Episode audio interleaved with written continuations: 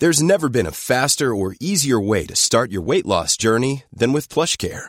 PlushCare accepts most insurance plans and gives you online access to board-certified physicians who can prescribe FDA-approved weight loss medications like Wigovi and Zepbound for those who qualify. Take charge of your health and speak with a board-certified physician about a weight loss plan that's right for you. Get started today at plushcare.com slash weight loss. That's plushcare.com slash weight loss. plushcare.com slash weight loss. Since 2013, Bombas has donated over 100 million socks, underwear, and t-shirts to those facing homelessness.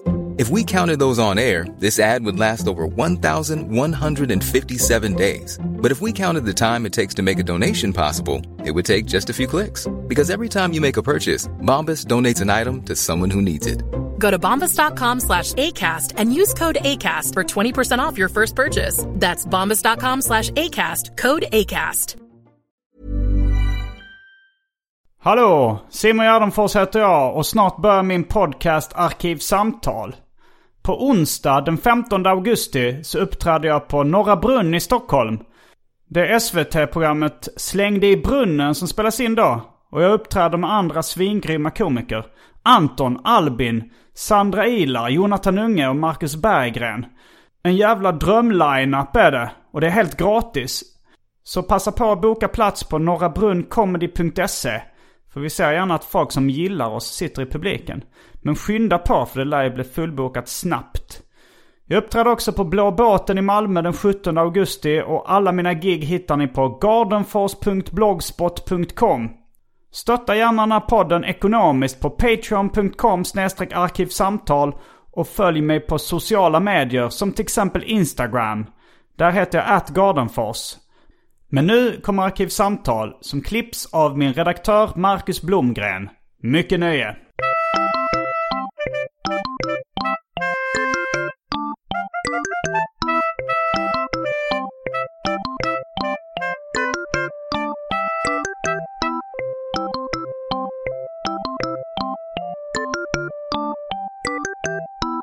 Hej och välkomna till Arkivsamtal. Jag heter Simon Gärdenfors och mitt emot mig sitter Adam Svanell. Hallå, hallå. Eh, något av en lyssnarfavorit bland finsmakare. Och även eh, fördjupningsredaktör? Frågetecken. Ja, typ så. Re redaktör för reportage och fördjupning heter det på, på Svenska Dagbladet. Mm. Eh, även känd för att tidigare ha guidat till höjdpunkterna i Svenska Dagbladet och för låten Bice on the Dance Floor. Ja, framförallt det. ja. mm. Och uh, som du kanske känner till så är vi inne i en liten period uh, i Arkivsamtal där vi har temaavsnitt. Och då har du fått vara med och bestämma temat. Mm. Vad valde du för tema den här veckan? Jag valde, eller jag föreslog massa olika och du Mm. valde. Men det var eh, att bli gammal. Mm. Och eh, när, Att åldras med värdighet. ja, det, det har jag inte blivit informerad Nej. om att... eh, att Nej, jag informerar om det nu. Ja, jag vet inte riktigt vad värdighet är. Ens. nej, det kan vi komma in på. Ja, det kan vi göra. Eh, kan, om man inte har levt med, med värdighet som ung så kanske det är svårt att, att gå på det som gammal. Liksom. ja, Ja. alltså jag har ju ett hum om vad man menar med, med begreppet värdighet. Men jag skulle gärna vilja höra dig analysera det också. Eh, men det var någonting, just när vi satte oss så kom vi in på, jo, du sa att du kände, jo det var längd. Precis. Vi, bör, vi börjar med längd. Jag skulle ställa in din mick. Och ehm, det visade sig att du var en halv centimeter längre än jag. Mm. Men du kände dig mycket längre. Ja, precis. Lite längre kände jag mig. Okej, Eller lite, ja. mer, lite mer längre än vad jag var. Mm. Eller ja, precis. Eh, och sen sa du att eh, det var, du kom in på din egen eller vår ålder. Ja. Du kände dig äldre än jag också.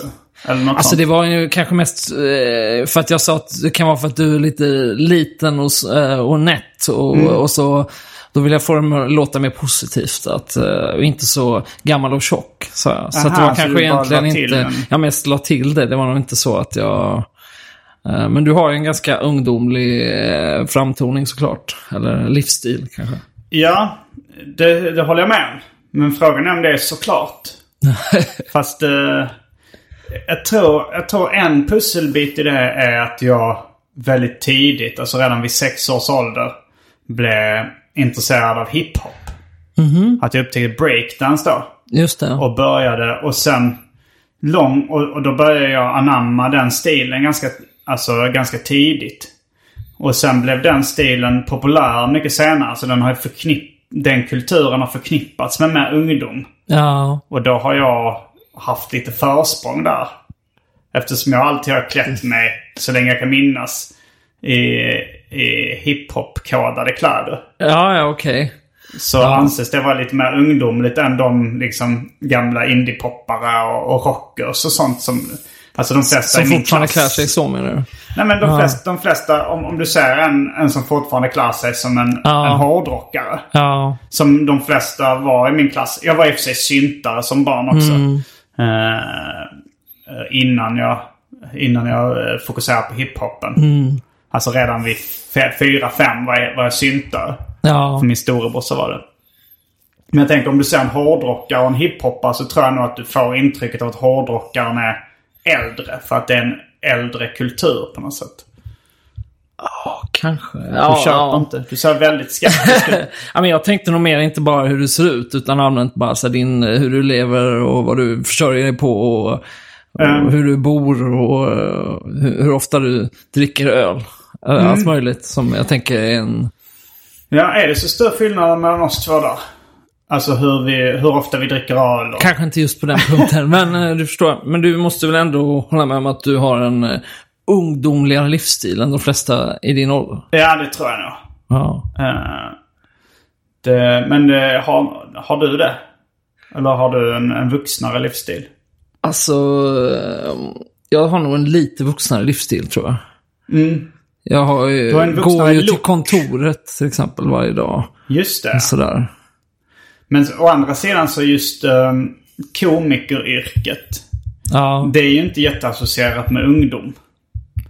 Uh, rap, rap och popstjärneyrket är mer associerat med ja ungdom. absolut. Även om det finns en del övervintrade Ja. sådana också. Eh, men komikeryrket, jag ser ändå framför mig någon, någon gammal stöt i kostym.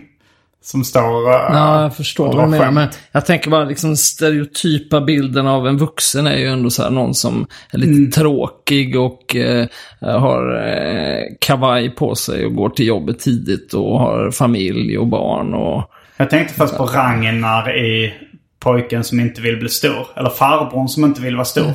Av. Poj. Eh, om du minns den tecknade filmen. Nej. Eh, Det var en tecknad film om en farbror som fantiserade om sin barndom. För han ville inte vara stor. Men han sitter Just på ett kontor i början. Eh, och är en sån portfölj och välklädd man. Ja.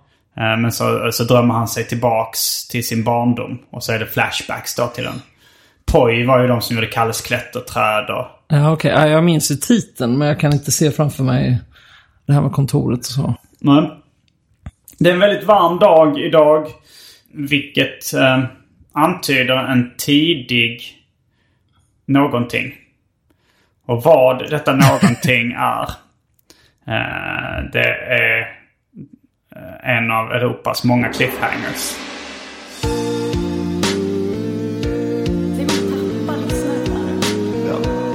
Europas sämsta cliffhanger.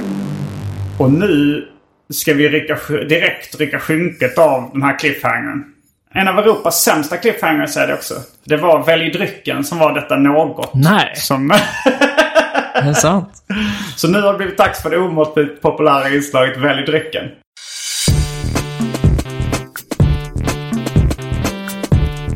Jag tror vi börjar med det fasta inslaget Välj drycken! Välj drycken eh, har det blivit dags för. Som vi denna vecka kallar för Välj drycken 25. Det kan vara världshistoriens uh, största Välj drycken. Det är Välj drycken som har flest alternativ. Det är 25 olika alternativ i dagens Välj drycken. Jag har fått väldigt mycket dryck på sista tiden. Eh, är du beredd? Kör. Är du beredd för väldrycken 25? Jag tror det. Okej, då börjar vi. Vitt vin av märket Jean Bichet från Frankrike. Det är även drycker från världens alla hörn. Ja, ja. Fantastiskt. Eh, Ayran av märket Larsa. Den turkiska yoghurtdrycken. Vi har Fanta Grape från Japan. Min kompis Jens Rosengren som också filmat eh, bland annat En slapp timme och samhällsljud och med mera, med mera. Han har varit i Japan och gett mig väldigt mycket olika drycker nu. Vi har um, Pocari Sweat. Som jag då fått av uh, Arkivsamtal-entusiasten som kallar sig Pocari Sweat. Uh, han har även gett mig en Shuhai. Uh, Santori Hortoy Fruit Punch. Shuhai är då förkortning av uh, Chochu Highball. Mm, alltså en drink gjord på shochu. Ja, det är väl någon form av alkoläsk skulle man Ja, kunna ja. säga. Grogg mer kanske en drink eftersom jag tror det är mer... eh, eh, ja, det är ofta kanske bara ginger ale eller någonting annat. Ja, ja. Sen har vi um, Hop Federation Pilsner. Låter lite tjofaderittan. Hop Federation Pilsner. Eh, Strong Zero. Det är en annan uh, Shuhai. Då finns det, det är de jag har fått av Jens Rosengren. Vi har Strong Zero Lyché, tror jag det var. Strong Zero Citron. Strong Zero Ananas. Strong Zero Mango. Strong Zero med någon slags grönt plommon. Alla är 9% alkohol, så det är starka grejer. Den är känd i bekantskapskretsen som något av en game change.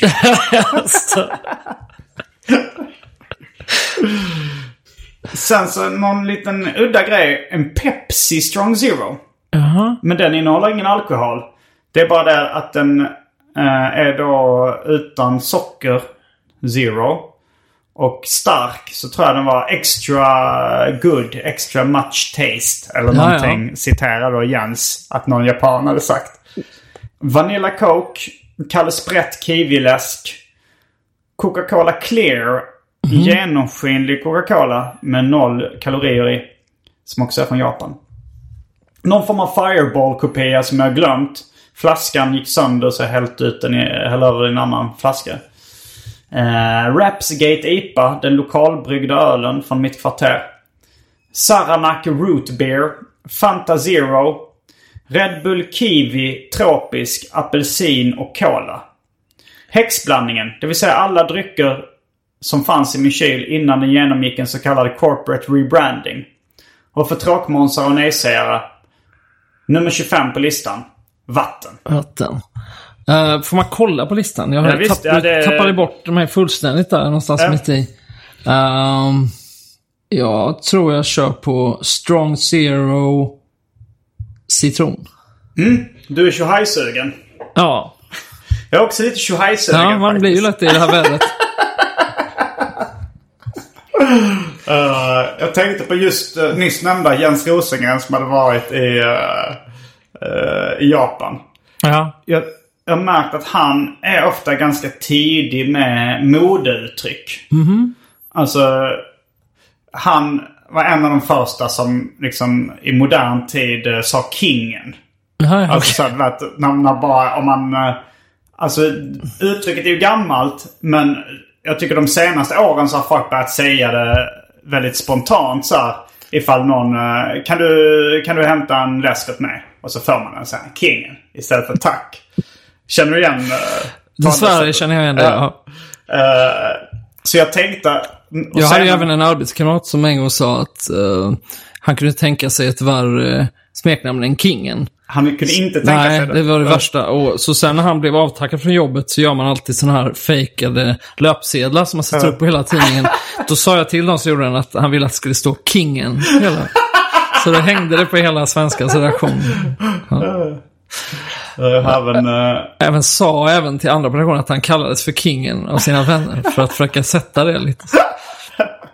ja, det är taskigt. Ja, Jag minns dödsannonsen Inger Kingen Strid. Jag fotograferade av den och la upp den på min Instagram om ni är intresserade. Så det var nu hennes barn som, som kallade henne Kingen. Inger. Eh, ja, nej, men senast jag var hemma hos honom så använder han uttrycket tjohej väldigt mycket. Ja, ja. Så jag funderade på. Kommer det sprida sig? Eftersom han, eftersom han var den första jag hade som sa kingen. Sen började alla säga Ja. det. Och nu sa han tjohej om allting. Alltså, eh, en, eh, vi lägger in en sån här tjohej. Jaha, Alltså så här, ja. istället för, istället för att vara en sån här grej liksom. Ja, ja, en tjohej. Ja.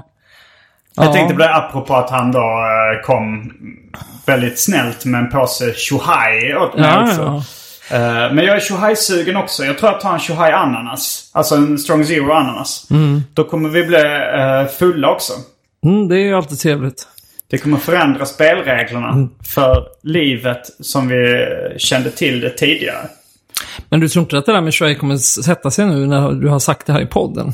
Kanske Det det. kanske är här det börjar. En självuppfyllande profetia. Ja, att nu, kommer, det. nu kommer alla börja säga ja men, men jag beställer in en sån här tjohej. Ja, Det, är- det, är- det är så pass, alltså kingen är också extremt irriterande. ja. Och jag tror Shuhei har samma irriterande effekt. Så det, det har nog Ja, potential fast det är lite annan. Det, Kingen har ju mer den här douche-klangen. Men Shohei är ju mer en sån här eh, göteborgsk eh, sköjargubbe-klang. Alltså den är lite mer, eh, ja, pilsnerfilm och så.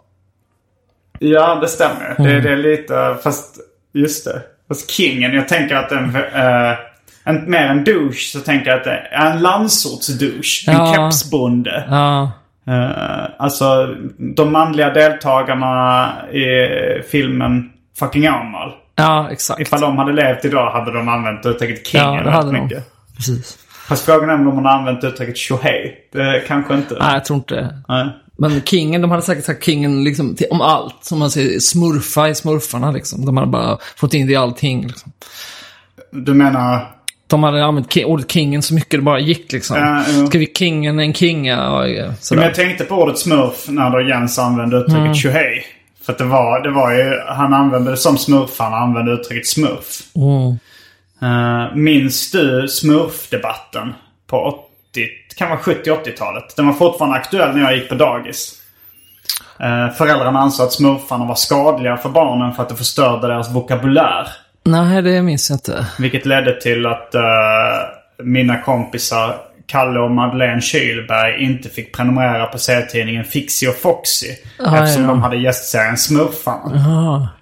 Och, eh, och jag, jag kommer ihåg min mamma var också lite... Min mamma hon är lite snabb på att haka på sådana här moralpanikgrejer. Ja, Eh, hon, hon tyckte också så, nej men smurfarna är inte bra. Om man då till exempel, de säger så här, jag känner mig lite smurfig. ja. Då vet man inte hur de känner sig. Om barnen börjar använda sånt språk så är inte det bra. Men jag undrar om det inte har varit flera andra smurfdebatter. En var väl till exempel att han Gargamel, att det var en sån judisk karikatyr. Mm. Han har så krokig näsa och så. Absolut. Och sen så har vi ju gnap, gnapsmurfen. Som tidigare var svart och som var den onda smurfen och som bet de andra i svansen så att de smittades och också blev svarta. Kanske vissa som drog, vissa fördomsfulla drog en aids-parallell där kanske. Jag vet inte. Men eh, jag såg att i en senare upplaga så är den, de smurfarna lila. Ja, ja. Inte svarta. Eh, detta sidospår om smurferna som de hette förr. Smurfarna som de heter nu på svenska. Eh, och eh, vi är strax tillbaks med varsin tjohaj. Häng med!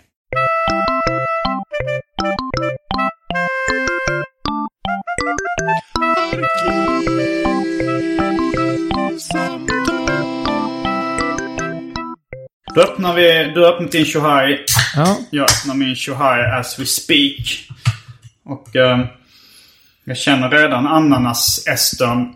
Det står ju någonting på här. Minus 196 grader Celsius. Oj, oj, oj. Det var kallt. Det är, det är, väldigt, det är en väldigt strong zero. Eh, Ja, oklart vad det betyder. nektar från gudarna skulle jag kalla det här. Det var väldigt god ananassmak. Var den det? Ja. Den här var, alltså den smakar... Det smakar som en typ liksom eh, så här Fanta citron eller något. Fast när man med uppenbar spritsmak. ganska påtagligt. Det låter som en lite mer nyanserad recension Ja. eh, än min. Eh, Den uppenbara sm- spritsmaken finns här också. Mm, men ehm, riktigt jävla god. Ja, men det var väldigt gott att den var så kall. Tack Jens för att du gav oss Ja. Shuhai. Mm, tack för det. Det var ju, det är ju så bisarrt varmt, så det var som att när jag gick hit och liksom det kändes som hela Stockholm var bara något sånt mayhem. Det låg någon man här ute på gatan med bilen, bildörrarna öppna och sätet nervevat och låg och skrevade liksom. Det Han känns låg som ändå att... i bilen. Ja, Det låg- låter ju som den här gamla roliga historien. Varför har norrmännen uh, bildörrar med sig i öknen? Ja. För det är så skönt att väva ner Det rutorna. Ja, men det var nog lite så. Jag bara fick som känslan av att det var liksom att... Lite som du vet när det blir riktigt varmt och bara råttorna kommer fram och inga regler gäller och bara ett samhällets lagar eh, på, på undantag. Och så var det som att jag tänkte, utan att ha tänkt igenom det, att det skulle vara skönt att komma in här i alla fall. Um, Och det var det ju inte. nej, det var Nej. varmare här inne och sen vill jag inte ha fläkten på för att ni lyssnare eh, inte ska höra ett surr. Men eh, istället så får ni två sega män. sega gubbar. Jag tänkte Och det jag- för oss över på dagens eh, tema. Alltså Sega Gubbar är ju ett väldigt roligt godisnamn. Jag Ja. vet inte om det säljs längre, Sega Gubbar. Minns någon gammal Tintin där, uh, där de bjuder på Sega Gubbar. Gillar du Sega Gubbar? Säger någon uh, professor Kalkyl eller någonting. Men jag tänkte på det här apropå inga regler gäller för att det är så varmt. Jag, jag åkte eh, SJ-tåg och uh, airconditionen strulade och funkade inte. Så det blev väldigt varmt i vagnen. Men jag försökte ändå sova i tyst kupé. eh, som jag hade bokat för att jag brukar liksom Ja. eh, brukar ta, ta tupplurar. Men sen var det, då började, då liksom eftersom airconditionen uh, slutade funka och det blev så varmt. Då började folk, några prata med varandra. Och så, så jag sa så här, det är tyst vagn, jag tänkte sova. Och så, det, det är en nödsituation. sa han. ja, det är bra. Så då gällde inte reglerna. Ja. De pratade ganska lite om det här hur de skulle lösa problemet med att det var för varmt och det var mer bara allmänt snack. Hur går bilen? Ja. Ja. Ja jag hade en eh, jag hade en snarlik upplevelse häromdagen. Jag också satt på tåg där Asien inte funkade och satt i tysk kupé. Och då kom det så någon typ av typ alkis eller något. Och Mm. kom in och började tjafsa jättemycket. Och sen då En så... och vinalkis. Ja. Jag tror det. Det, det var nog... Jag tänkte på någon typ av alkis. Nej, det var lite oklart faktiskt. Eller om han var någon annan typ av missbrukare. Han var i alla fall väldigt full. Men, och då så sl- slutade det med att han fick en smäll av tågvärden. En käftsmäll. Nej, en En lavett. huvudsmäll. En sån här. Alltså, jag vet inte om det finns ord för hand. Öppen En, handflata. ja, på huvudet liksom. Va? Ja. För att han gick in och vägrade... ja men han var jätteotrevlig och kallade henne jävla kärring och sånt. Jaha. Så hon slutade med att hon bara... Ja, det, frågan är vem som var... Om de var lika Jag goda hennes parti. Ja, han var nog godare på att supa. Det var, ligger väl Mm. lite i sakens natur. Men kol. Ja. Uh, när jag tänkte på vilken typ, uh, uh, anledningen till att ta upp öl och vinalkoholist, det var då att, uh, um, vad heter han nu igen som har spelat, den kändaste skådespelaren i Sökarna förutom Jonas Karlsson. Liam Norberg. Nej, hans äldre mentor i den filmen. Nej, det minns jag inte vem det är. Alltså det är en jättekänd uh, skådis. Det är bara det att det står still i mitt huvud. Kanske delvis på grund av värmen. Han, han uh, alkad pundare, Dramatenskådis. Ja, Torsten Flink. Torsten Flink, ja. Eh, han satt i någon intervju och uh, hävdade att han var öl och vinalkoholist. att han försökte liksom tona ner det Ja, lite ja. genom att lägga till öl och vin. Det är många alkisar eh, som då tycker att, eh, att man är inte alkis. eh, man är inte riktig alkis om man inte dricker starksprit Nej. liksom. Eh, min kompis som då just kommit ut från behandlingshem. Han irriterar sig rätt mycket på det. Att han tyckte alkoholist är alkoholist. Du ska inte, han ska inte sitta där och försöka tona ner det genom att vara öl och vinalkis. Eh, men det är en käpphäst jag har tagit upp. Alkisar som, som vill poängtera att de inte dricker starksprit men är så uppenbart alkade i alla fall. Ja. Eh, tillbaks till dagens tema. Just det. Eh, har du skrivit någon artikel eller något sånt om att bli gammal? Nej. Nej, det var inte, Inte alls. Nej, det var inte därför. Jag tror, att jag, jag tror att jag har haft en mini-ålderskris. Lite. Hur länge? Eh, något halvår, år kanske. Det, jag kände liksom att jag egentligen trodde att jag hade dealat helt med det här med ålder och så. För att det blir ju lite så när man... Jag är 35 nu, fyller 36 i år. Du kommer att fylla 36 år. Mm, så du är lite yngre än vad jag är. Ja, men jag känner att de senaste åren har liksom tvingat fram det här att man grubblar över sin ålder för att eh, eh, väldigt många andra som är ju typ i mitten av 30-årsåldern skaffar ju barn och hela så och har väldigt så sådana väldigt uppstyrda liv. Du man- har väl ett rätt uppstyrt liv förutom att du inte har barn? Ja, fast jag har ju inte heller någon relation till exempel. Och jag, är- alltså så. Nej. Jag har ett ganska... Jag tycker ändå, apropå det vi pratade om innan, ett relativt eh, stereotypt sett inte jättevuxet liv jämfört med många andra tror jag. Och då har jag ändå liksom reflekterat mycket kring det och det. Då har man ju bara, jag bara känt så här, ja men...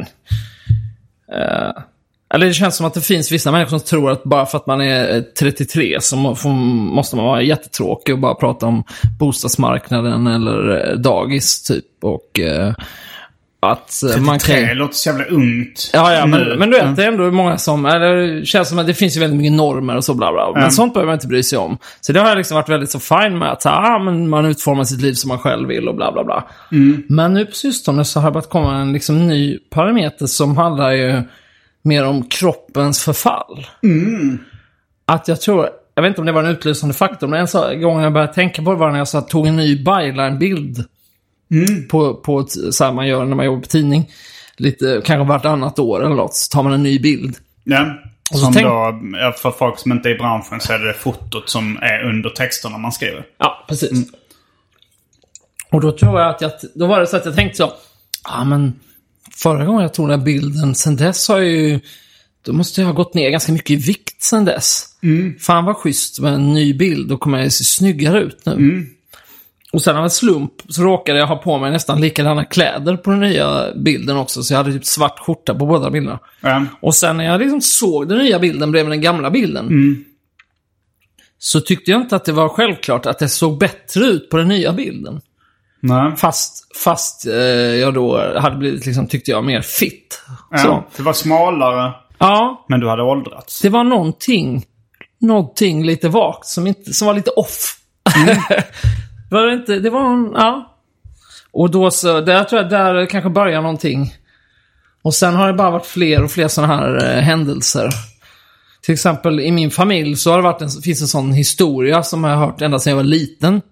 Som brukar vara som bevis för att min pappa typ eh, såg väldigt slit, eller att han, hade, han blev flintis när han var i typ 23 eller något. Ja. Och sen numera så har han ju så typ rakat huvud. Men väldigt länge hade han liksom kvar det hålet i mitten och så stora, nästan Krusty the Clown-frisyr och så. Eh, och, eh, eh, och då som liksom en his- historia om det här, hur gammal han ser ut, så brukar det komma upp så att när han var 34 så var det någon på hans jobb som fyllde 50. Och då var det en som sa till honom, ja, när är det din tur då Jan? Att fylla 50? Och då var han bara 34. och det är sånt som brukar liksom så haha, liksom, så en klassisk familje. Och sen nu då här i tidigare, eller i vår, slutet av våren, så fyllde chefredaktören på Svenskan 50 år. Och eh, det var av eh, sån här, han blev firad och det var tårta och bla. bla. Och då så står jag där så är det en arbetskamrat som säger till mig på riktigt. Typ så. Nej, det börjar med att han säger någonting. Ja, ja, nu själv har man ju sex år kvar nu till 50 eller någonting. Och så frågar han mig så. Ja, när är det din tur? så, så det hände nästan exakt samma sak hände mig. Eh, ja, jag vet inte. Och, och du tycker det känns jobbigt att... eh, Man bara känner att jag, det är som att jag inte har tagit in det här riktigt innan, att det, kom, att det är så här äldre. Jag har nog tänkt på livet så här, som att det är cykliskt och går i olika perioder upp och ner och fram och sådär liksom. Men nu är det som att jag har så här, en, en, den mest pessimistiska delen av mig börjar tänka så att ja, men från och med nu så är det bara så här. För varje dag som går så blir, kommer jag bli lite svagare och lite fulare. Svagare. ja Alltså, men liksom så här, man, kropp, man orkar mindre och kroppen blir liksom ja, men är det inte rätt mycket att man kan... Att man kan... ehm, alltså om man äter rätt och rör på sig och tränar och sådär. Så, så kan man Så liksom... putsar man lite på ytan bara. Du tycker? Ja men lite så. För jag är 40 nu. Ja. Och jag har inte märkt någon liksom... Alltså, jo det är klart att jag, jag liksom tappat hår och, och fått lite rynkigare ansikte och sånt där. Och, Ja. och, eh, men, men jag har inte... Alltså så här, re- rent fysiskt med ork och sånt där. Nu, nu, nu anstränger jag mig väldigt sällan fysiskt. Ja. Eh, Men jag har inte märkt någonting att, man liksom får inte mer ryggont eller liksom svårare att gå i trappor eller svårare att klara av grejer liksom. Får du inte det då? Nej. För det känner jag att, som nu har jag precis varit på semester i en månad och liksom normalt sett så brukar jag liksom träna och lite så, ta hand om mig och någorlunda. Och nu har jag så här liksom inte tränat på en hel månad och typ druckit alkohol varje dag och bara inte rört på mig överhuvudtaget typ. Och då kände jag liksom, när jag satt på flyget hem när jag varit i USA nu, att jag liksom fick jätteont i ryggen bara och liksom det var som att hela kroppen kändes som ett, som den bara höll på att rasa samman. Ja. Men du har ju inte, alltså jag, jag tror jag anstränger mig lite mer för att hålla mig i fysisk topptrim än vad du gör. Nej, men jag gör det också. Det var bara att när jag höll upp ett kort tag, eller Mm. fysiskt. det gör jag inte heller. Men jag menar, jag tränar eh, liksom varje vecka flera gånger. Alltså flera gånger i veckan. Du gör det. Vad tränar du för någonting då? Eh, ja, jag simmar. Och sen så går jag, har vi som ett gym i bostadsrättsföreningen. Jag tränar liksom. Mm. Men det är också en grej, jag, jag brukade springa, men det kan jag inte längre för jag har fått typ kronisk hälsporre. Ja, jag tyckte att du haltade lite när du var på väg hit. Tyckte du det? Ja, men jag tyckte det. Ja, jag nej, det, det. på- det var nog något, det var nog bara att jag har ful gångstil då. För Tror du var? Jag, jag ja. sa ju till, för jag gick ut och mötte dig på gatan och så sa jag frågan om du var låghalt. Ja, okej. Och sen kom jag på att jag inte visste vad låghalt Nej. betydde. Men jag tyckte ändå att du haltade lite. Men Ja. vadå, det kan inte ha att göra med din kroniska halsskada? Nej, nej, det, det har jag haft i flera år. Nej. Okej. Alltså jag tror inte den är kronisk, det är bara att jag aldrig blir av med den. Så det... Men ja. Skit, nog om hälsporre. Men, eh, men du förstår, men där, där, det har ändå sett som att... Och sen tycker jag att jag bara ser det här runt omkring mig också hos andra än mig själv. Eh, Att liksom det är ganska många känner som har börjat se, se lite slitna ut. Jag bara tycker, Tycker du- tycker mig att se jag att... nej, nej, nej, inte just nu. Jag tycker att det är ganska Ahmed, många... han får stanna. Han just mellan 36 och 38 där någonstans så är det många som liksom... Börjar Ja, se lite slitna ut. Ja, ja, men det är kanske inte så konstigt att folk åldras och börjar se lite äldre ut. Liksom. Ja. Egentligen. Eh, det är ju inte konstigt. Eh, men, men Ja. jag har väl ändå tampats med någon form av ålderskris jättelänge. Ja. Alltså jag... Ja men... Men jag, men jag är ganska... Jag jobbar med mycket marginaler och se, blickar ganska långt fram i tiden alltid. Jaha. Eh, alltså hela den här grejen att börja med stand-up. Det var ju liksom en plan i någon form av liksom åldersplanering skulle jag nog mer säga än en ålderskris. Just det. Att jag förstod att, det, att jag kanske inte kan vara en, eh, en rappare på samma sätt när jag är 50. Ja. Nu, det är ganska få som klarar det. Men, men så, så det var ju, och att jag då stand-up tyckte jag passade bättre för det. Och jag, jag, och jag har gått igenom ganska många sådana saker liksom hur, eh, hur jag ska parera åldrandet på något Ja. sätt. Men, eh, men nu så känner jag ändå att jag, jag har verkligen så här accepterat alla, alla parametrar i det. Ja. Min mamma, när, jag pratade med henne om det. Hon sa så här, men det är kanske inte så kul att liksom att bli äldre. Jag tror att jag skulle, alltså hon frågade så här, vill du leva samma liv som du gör nu? eh, för resten av livet? Bra fråga. Vill Mm. du det? Vad sa du? Vill du det? Mitt svar var, jag hade inte haft något emot det. Alltså så här, om, jag, om, jag hade, om det hade varit, alltså så här, det, det är inget krav. Eller Ja. så här, jag kan tänka mig att göra förändringar i mitt liv. Men hade det varit så att uh, klipp till 30 år fram, Ja. när jag är, vad blir det, 70? Ja. Och jag, och jag liksom kör på ungefär som jag gör nu. Det skulle jag ändå kunna göra liksom. Om man, om man ser på en av mina förebilder, Larry David. Så gör han ju sin tv-serie fortfarande trots att han är 70. Ja. Han hade kunnat köra stand-up. Nu gör han inte det så mycket men... Liksom han, han kör nog på ungefär som, som han har gjort då. Så jag hade inte haft något emot att leva som jag gör nu. ja. Eh, Men skulle du även kunna tänka dig att bo... Du bo vi sitter här i en etta. Ja. Och du är, så vitt jag vet, singel. Hey Dave, Yeah, Randy. since we founded Bombus, we've always said our socks, underwear, and t shirts are super soft. Any new ideas? Maybe sublimely soft. Or disgustingly cozy? Wait, what? I got it. Bombus. Absurdly comfortable essentials for yourself And for those facing homelessness. because one purchased equals one donated. Wow, did we just write an ad? Yes. Bombas. Big comfort for everyone. Go to bombas.com slash ACAST and use code ACAST for 20% off your first purchase. Quality sleep is essential. That's why the Sleep Number Smart Bed is designed for your ever evolving sleep needs. Need a bed that's firmer or softer on either side? Helps you sleep at a comfortable temperature? Sleep Number Smart Beds let you individualize your comfort so you sleep better together. JD Power ranks Sleep Number number 1 in customer satisfaction with mattresses purchased in-store. And now save 40% on the Sleep Number limited edition Smart Bed for a limited time. For JD Power 2023 award information, visit jdpower.com/awards. Only at Sleep Number stores or sleepnumber.com.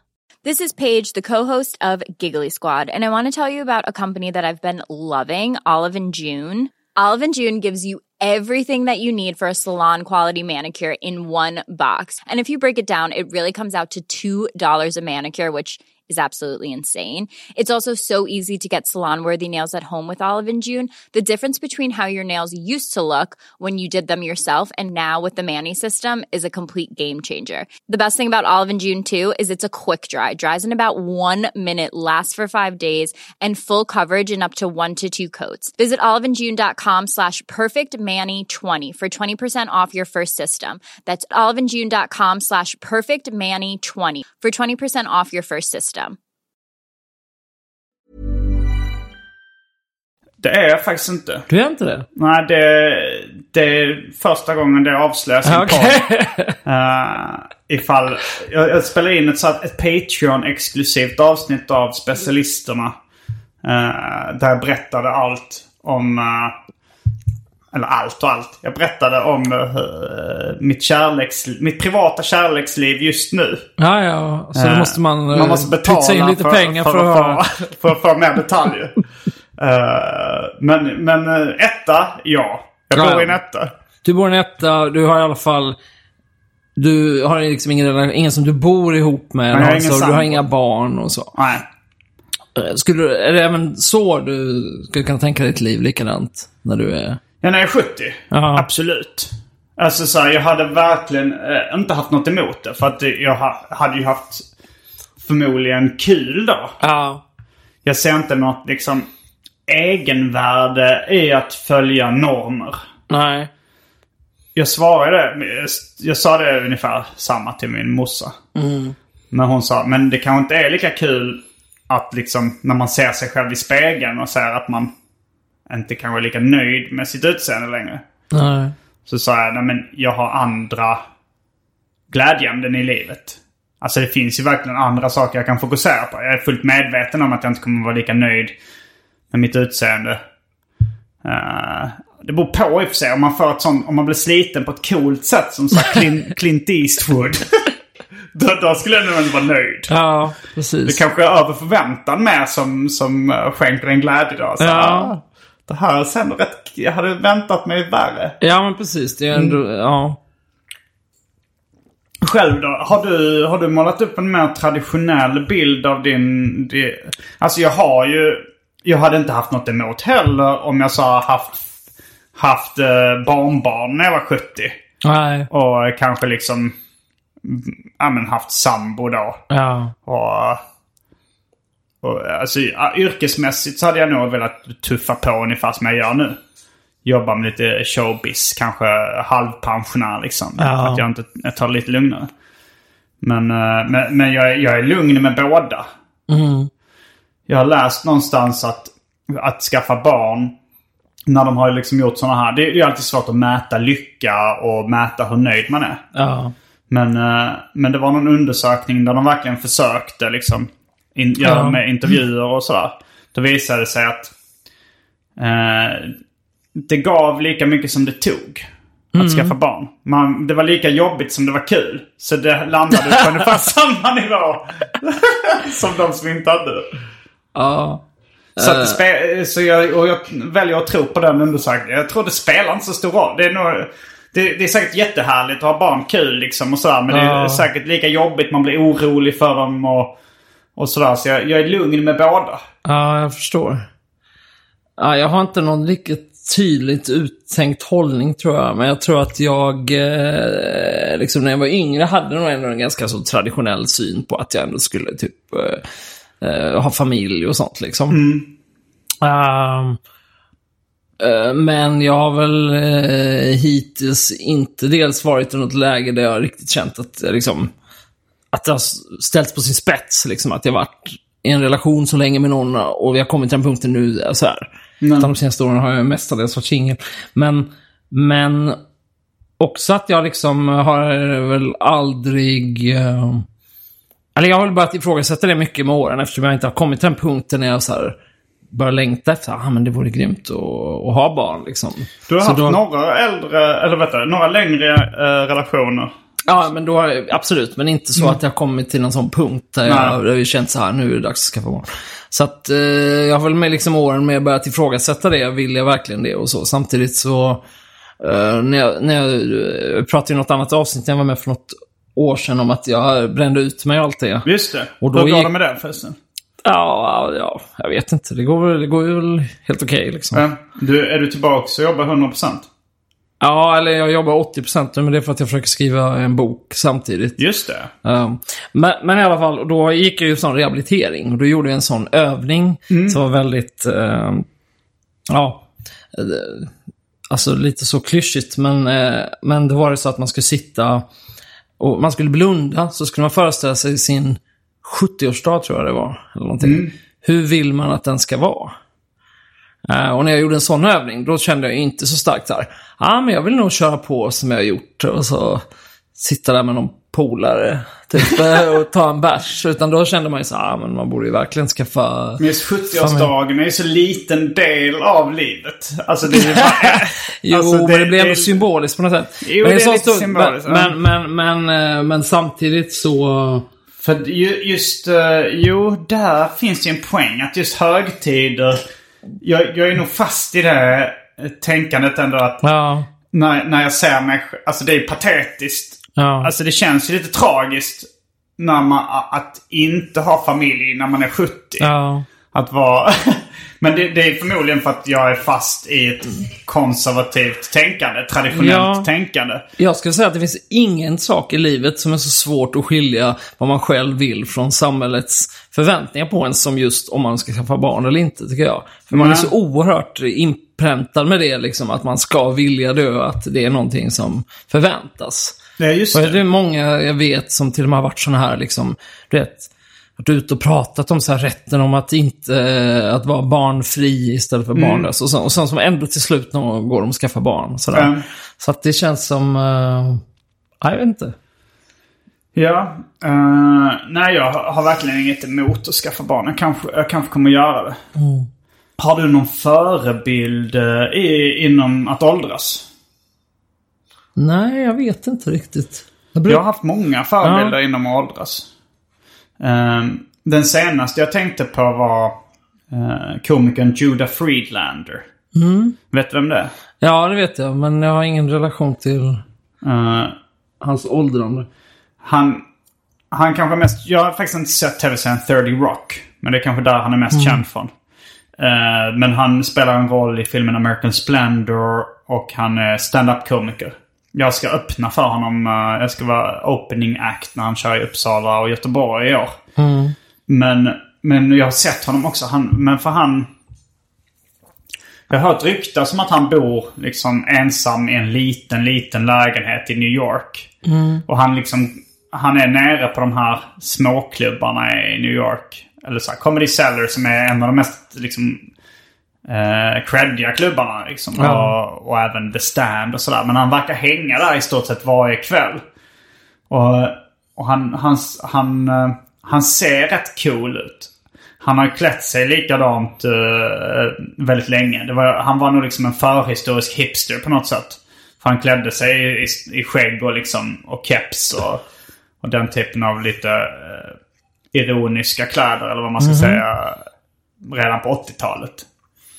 Eh, men, men, hans, men, men när man ser honom på The Stand som är min favoritklubb. Så bara hänger han där. Han liksom sitter med killen i biljettkassan. Han har liksom ingen sån här...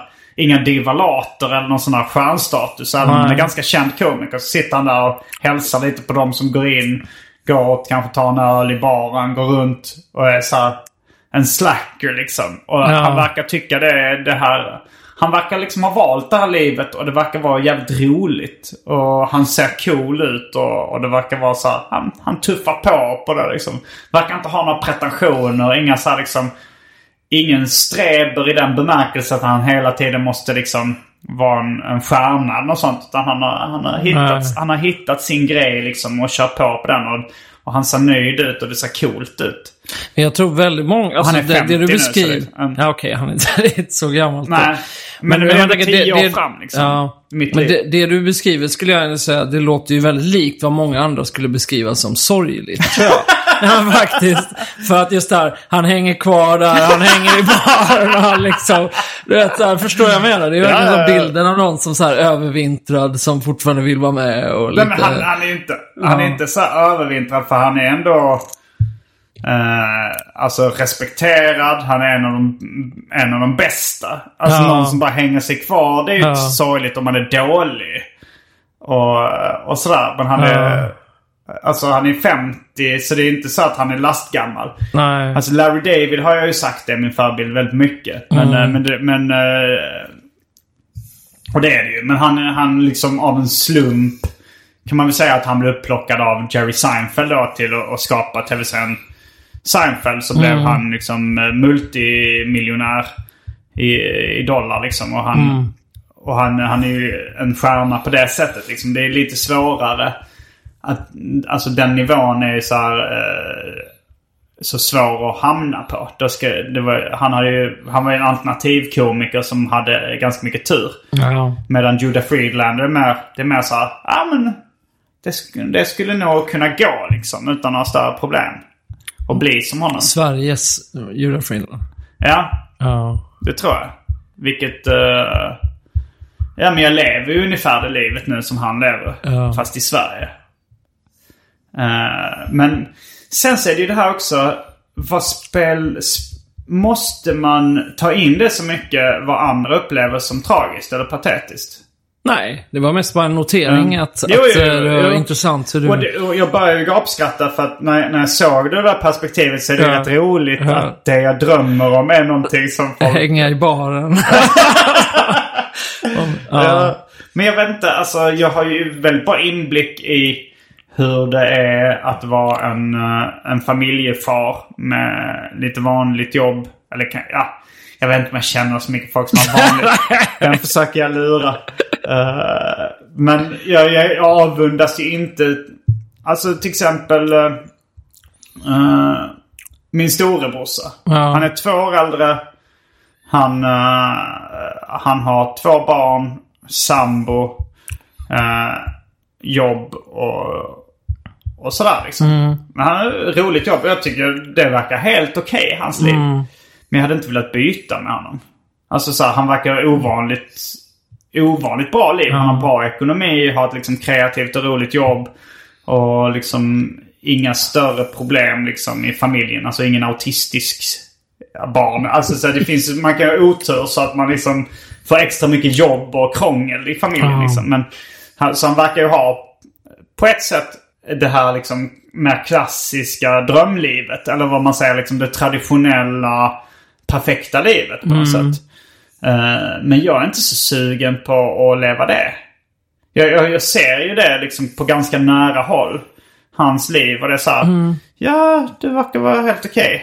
Men, men jag tycker det är mycket roligare att så här, eh, åka till Japan i tre månader och hänga där. Eller åka, köra, gå, åka på stand-up-turné och göra det, det som jag gör liksom. Du, du eh, nu har ju information om den här nya flickvännen pre- presenterats här. Men den eh, lämnar jag därhän så länge då. Men din förra flickvän var ju jättemycket yngre än dig. Ja. Eh, hur har du liksom... Finns det stunder när du tänker så här, undrar om jag är omogen? Jaha, du menar på grund av att har haft en yngre flickvän? Ja, men typ så. Eller bara allmänt om, Ja. kring allt det här. Alltså flick... De Det sena... var bara ett indicium, Ja, det var men det. eh, av många. Eh, jo, ehm, flickvännen som jag hade innan det var ju nästan jämngammal med mig. Alltså det, det är egentligen, om jag, jag tror jag haft en sex, sju flickvänner genom åren. Det, det 40 kanske var elakt av mig att ta det nej, som nej, det är ju- poäng. Men jag, bara, jag menar, Mm. med, för jag funderade på det på Mm. vägen hit, eftersom jag visste vi skulle prata om det här. Mm. Och då tänkte jag just på det här med omogen, att jag minns att, att när jag var yngre, att jag av någon anledning tyckte att det var så oerhört eh, negativ sak någon sa, att man var omogen. Mm. Att jag tyckte det var väldigt bland det värsta. Eller jag vet inte, jag tyckte det lät väldigt illa när någon sa att man var omogen. Det var verkligen så super. Men då tänkte jag så här, att det kanske inte liksom, eh, man kanske ska reclaima det. Som, som bögarna reclaimade bög liksom. Ja. Så, så man, man kanske, det kanske inte är så fel liksom. Nej, jag har inte så mycket, jag har inte något emot att bli kallad omogen. Eh, eh, jag skulle bara, eh, bara sätta det i perspektiv. Att Mm. av alla flickvänner jag haft så har jag bara haft en som är väldigt, väldigt ung. Och de andra har varit ganska jämnåriga med mig själv. Men jag är alltså jag har ju sidor som skulle kunna tolkas som omogna. Även om jag, nej jag tror, jag tror inte att jag är omogen. Jag tror inte det handlar om mognad. Alltså någonting som, som tiden kommer att göra. Att jag liksom genom erfarenhet och, och sådär kommer att tänka om. Om det är det man menar med omognad liksom. Men jag hade nog tvärtom att... Eh, för jag, jag kommer när jag gick i högstadiet så var det mycket snack om att jag och mina kompisar var så himla omogna.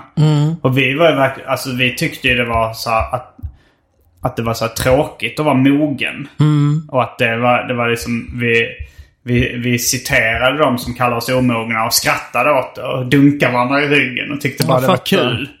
Ja, jag har nog en lite liknande upplevelse, men jag tror att det ändå någonstans högg lite. Jag, tyckte, jag gillade inte när någon sa att jag var. Nej. Men du har ju också en annan image nu som är liksom lite mer mogen.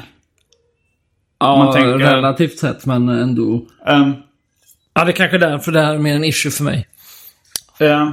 Jag, eh, nej men jag umgås ju mest med folk som är yngre också. Nu har jag ett gäng kompisar som är fem år äldre. Mestadels serietecknare. David Liljemark och Mats Jonsson och, och den ligan liksom som jag... jag ett, ett tag var jag liksom den unge killen i branschen. Men, eh, men det är också om man anpassar sitt umgänge efter livsstil. Så blir det ofta så att eh, det är många äldre som har barn nu och familj liksom och, eh, och, och en livsstil som inte passar min. Då är det med många yngre som... Nu umgås jag nog mest med folk som är kanske runt fem år yngre. Det är nog den vanliga.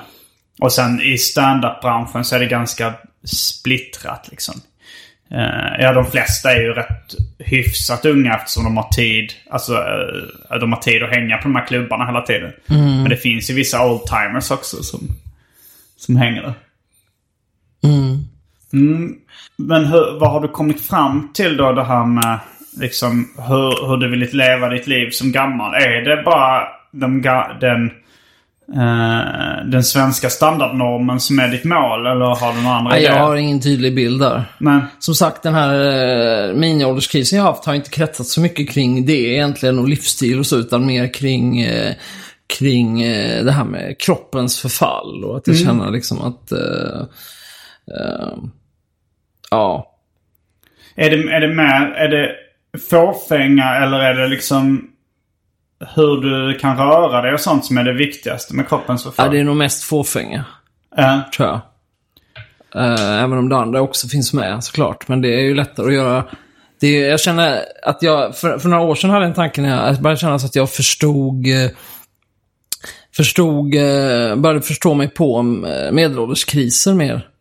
Att man är uppvuxen med den här bilden, alltså åh pinsamt med någon som så här, skaffar en sportbil och börjar med yoga typ i, i, när de är 40 eller någonting. Mm. Och då börjar jag mer och mer känna så att, ah, men vad många jag känner, de bara har liksom bara stelnat fullständigt. De bara lyssnar på samma musik och gör samma saker umgås med samma människor och så. Så att då, då börjar jag plötsligt tycka att det är bara ett tecken på att man är lite, har någon typ av nyfikenhet kvar. Att man så gör något, någon annan, gör konstiga nya grejer och blir nyfiken på nya saker och sådär. Ja. Så då, och, och, men nu känner jag att jag liksom kommit till nästa nivå när jag även förstår dem som, som plötsligt blir sådana hälsofreaks i medelåldern. Just för att det är väl just det här att man vill så här, eh, vända den där utvecklingen. Typ. Ja, det var någon som sa det att liksom, det kommer jag ihåg någons kille i min klass i kanske gymnasiet eller högstadiet sa att eh, de flestas musiksmak stelnar någonstans runt eh, 20, 20 till 24 års ålder. Ja. Att efter det så liksom får man ingen ny musiksmak. Nu har ju min musiksmak stelnat ganska mycket för att jag liksom lyssnat på hiphop och R&B, den typen av urban musik, sen jag var liten. Och fortfarande gör det. Jag upptäcker ju nya låtar och nya artister inom samma genre. Ja. Och även liksom subgenres inom det som är nyare. Även börjat lyssna en del på doo-wop och Hawaii-musik och sånt sen dess. Calypso och lite sånt där. Så jag har ändå utvecklats lite i min musiksmak. Men... Men... eh, men, jag, men, jag, men jag kommer ihåg jag hade en... eh, en flickvän som...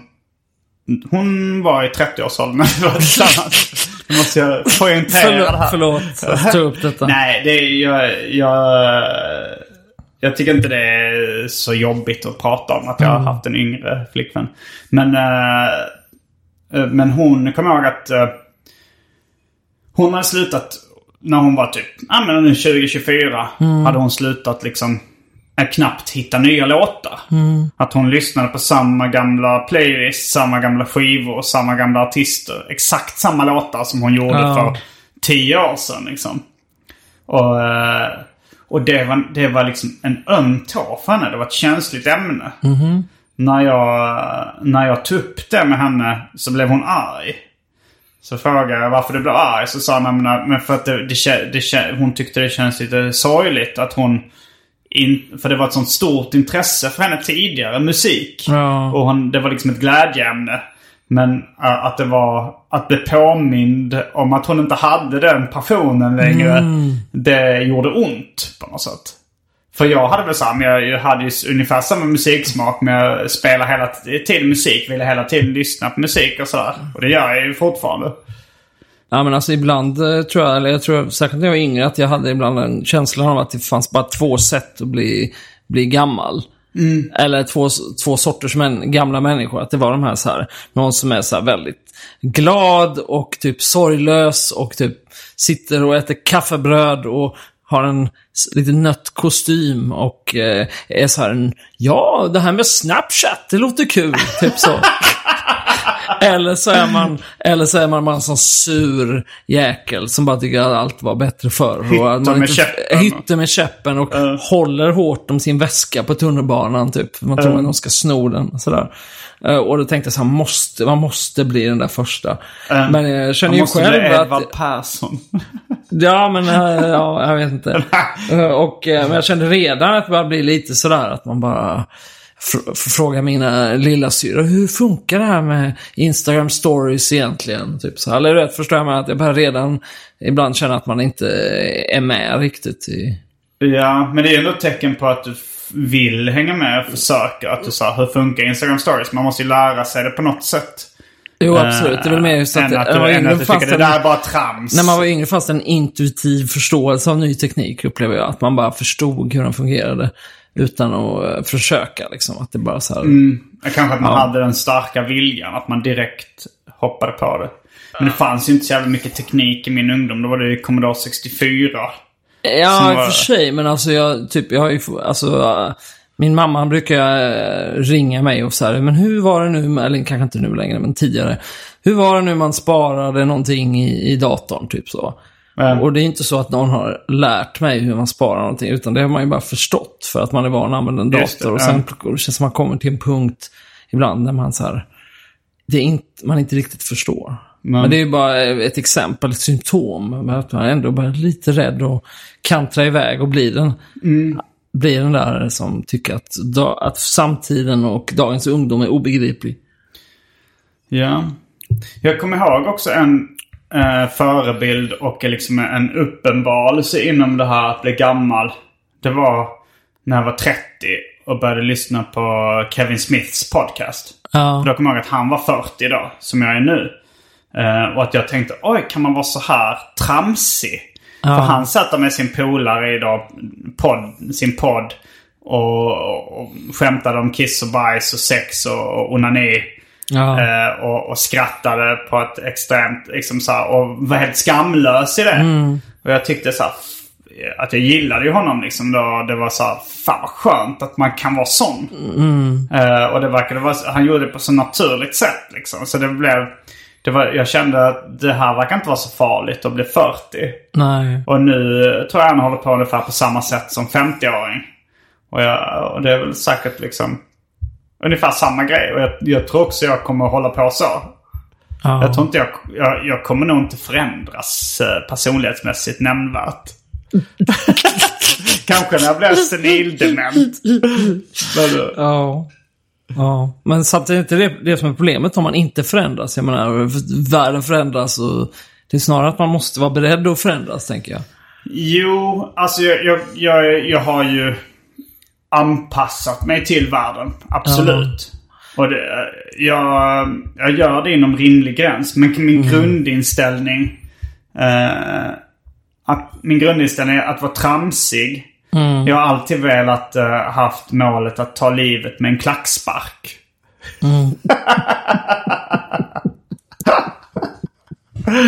Den grundinställningen. den tror jag inte kommer förändras. Det är en rimlig, en rimlig hållning. Eh, och, och det, jag tycker för mig är det en ganska självklar livsinställning. Varför skulle man inte vilja ta livet med en klackspark? Det är så få ändå som har den inställningen. Det, är ju, det, är ju, det, låter, det låter ju som en ganska eh, tramsig kliché eller någonting. Liksom. Ja, Eh, men eh, jag menar det ändå. Jag vill inte ta livet på speciellt stort allvar. Jag Nej. vill ändå se det som någonting man säger, ja ja, här, här kommer det. ja, ja, kanske. Ja, ja. Jag tror att, ja. Jag skulle inte formulera likadant, men jag, jag förstår ju vad du menar. Man ska inte ta sig själv, framförallt på för stort allvar, tycker jag. Men jag tror att det är väl någonting också när man gillar att och skämta och så, att, att folk ibland har en tendens att tro att man inte kan vara allvarlig också. Typ. Ja, det Eh, kan ju absolut eh, vara. Men, men vad heter det? Ja. Men eh, Nej, jag står bakom den. Jag står bakom den. men, eh, men, eh, men vad det gäller det här kroppsliga då. Du menar att man ska, man ska helt enkelt... Man får acceptera att man får hoppa på liksom, eh, mo- motions och kosttåget lite. Och, men i övrigt så är det bara att... ja, ja, alltså det, jag, jag har motionerat. Det är som att jag vänder mig till dig här som att det är en fråga, fråga Ja. psykologen. Uh, ja, nej, men det, eh, om, du, om man är fåfäng. Alltså min fåfänga, jag tänker väldigt lite på hälsa egentligen. Utan det, för mig är det 100% fåfänga. Men det, eftersom jag vill vara smal och muskulös. Så leder det också till en bra hälsa. Ja. Plus Eller att, Okej hälsa kanske. vad är felet med min hälsa? Ja, vi behöver inte gå in på det. Nej, men jag kan relatera till det. Att man kan använda sin uh, fåfänga som en uh, ursäkt för att också eh, ta hand om sig själv lite. Men sen i och för sig så just eh, mina blandade ryggövningar jag gör måndag till fredag. Det är inte för... Det, Kan du inte lägga ut det som sånt Patreon-material? Din, eh, dina blandade ryggövningar på YouTube. Eh, Jo- Johannes Finnlaugsson smygfilmade mina blandade ryggövningar när jag var i LA. Så gå in på hans okej. Instagram Ja, så ja, kommer ni få se. Ja, ja, helt gratis. Uh, se det gratis. Men eh, eh, det, lät, det lät ju också som en äldre mans eh, snack när jag pratar om mina blandade ryggövningar som jag gör måndag till fredag. Men de är inte på grund av fåfänga. Utan de började jag med när jag tecknade serier och eh, fick ont i ryggen. Och då hade jag en flickvän, tre år yngre, som... eh, som, tip, som då höll på med animation och tipsade om eh, några ryggövningar de hade fått lära sig för att de inte skulle få ont i ryggen. Och de funkade. Så då började jag göra dem och de eh, har jag fortsatt med även efter nu när jag inte tecknar uh, serier. Eh, så gör jag dem bara, men det är säkert bra. Man håller säkert liksom... eh, jag undviker säkert att bli stel. Stel är sig som in i helvete. Det har varit sedan jag var barn. Eh, jag minns, du vet, sitta skräddarställning på gympan. Jag fattar inte hur de andra barnen kunde det. Jag satt där och kämpade. Jag kunde sitta i tre sekunder utan att liksom anstränga mig nämnvärt. Men sen fick jag verkligen bara...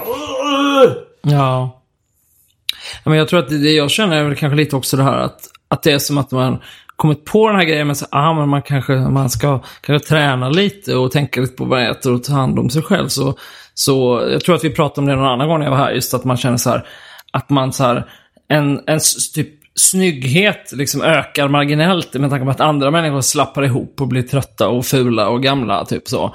Så kan man marginellt, eh, alltså vad heter det? i, eh, som jämförelse så kan man känna sig, ja men ja, det här går ju bra liksom. Men nu är det som att jag bara känner så här, det räcker inte. Sen kommer ändå åldern där och bara, Ja men det är klart det gör. Ja. Det visste man väl. jo men på pappret, men... eh, Ja, men du känner att det blivit mer påtagligt nu? Ja, men om man tar ett steg längre så tror jag, jag har en sån, du vet, ibland kan det vara någonting som någon säger som man minns så oerhört tydligt. Ja. Och jag minns när jag gick i scouterna, att jag hörde en av, en av scoutledarna prata, och de var ju vuxna då. Ja. Och då var det en som sa någonting så här, ja men det är ju någonstans där vid 30 som man verkligen inser att man ska dö en dag. och det är så här, gjorde starkt intryck på mig. Det, det inkorporerade jag som så, ja en sanning, ja ja, runt 30, ja då fattar man. Och sen tänker jag att jag har fattat så här, att jag ska dö på det planet att jag sa ja men en dag kommer jag inte finnas längre och det, är- det är fine, det kan jag leva med. Eller, no pun intended. Eh, Men, men vad heter det? Men det, det känns okej liksom. Men, men, eh, men jag har inte liksom riktigt tror jag tagit in det här att jag ska så här brytas ner och bli skruttig och skröplig och en dag liksom kanske någon får betalt för att torka mig i röven på ett hem och ja, det, det, det kanske det är allt det här liksom till slut mynnar ut i, jag vet inte. Att någon får betalt för det. Inget ska ha betalt för. Ja, Ja. I och för sig, när man var liten så gjorde ju föräldrarna det utan ja, betalning. ja. Eh, Då eh, tackar vi lyssnarna. eh, för att ni hängt med mig kanske framförallt. I sex år av åldrande i realtid i den här podcasten Arkivsamtal som ni lyssnar på just nu. Men det tycker det är lite kul och fint det där att folk får hänga med i åldrandet. Att så, man, man får ändå... Det är lite som eh, serien eh, Snobben, Peanuts eller något sånt där som bara maler på. I ett ganska lugnt tempo Ja. år ut och år in. Och folk får Åldras med. med värdighet. Är det du Ja, söker? just vi, vi kommer aldrig in på värdighet. Vi, Men jag tycker det genomsyrar det hela kanske. vi ska avsluta med att du håller en litet eh, tal om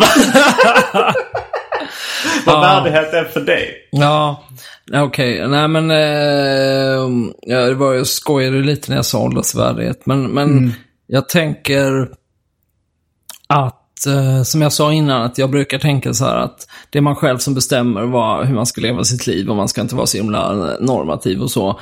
Men sen kommer de där upplevelserna. På vägen hit såg jag en kvinna som var kanske 57. Som hade en t-shirt där det stod något i stil med I'm fucking rock'n'roll, shut up. Eller någonting. och då kände jag sådär, det där är inte värdigt. Förstår du? Och det, det, är ändå, det är väl någonstans där eh, som man, den uh, oron ändå finns. Att, att, att folk omkring dig ska tänka du är tragisk. Ja, jag vet inte. Nu handlar det inte så mycket om det, men, men det var, det var, ja. Okej, det var ditt tal om värdighet. Ja, ja, precis. Jag hade fyllt Det blev den här fulla farbrorn på, på bröllopet som Seger går upp gubben. med en strong zero och pratar om kvinnan med, med rock'n'roll-t-shirten.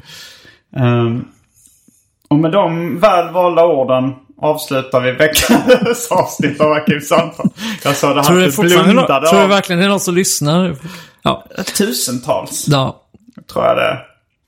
Det var allt för den här veckans avsnitt av Arkivsamtal. Jag heter Simon Gärdenfors. Jag heter Adam Svanell. Fullbordat samtal.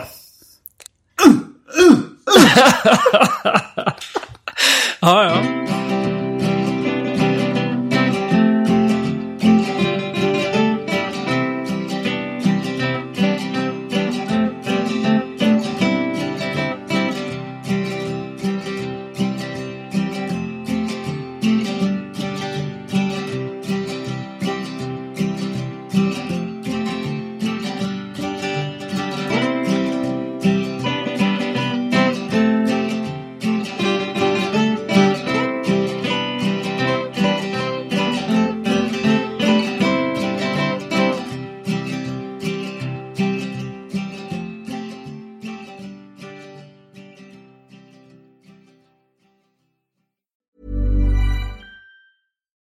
Flexibility is great. That's why there's yoga. Flexibility for your insurance coverage is great too. That's why there's United Healthcare Insurance Plans.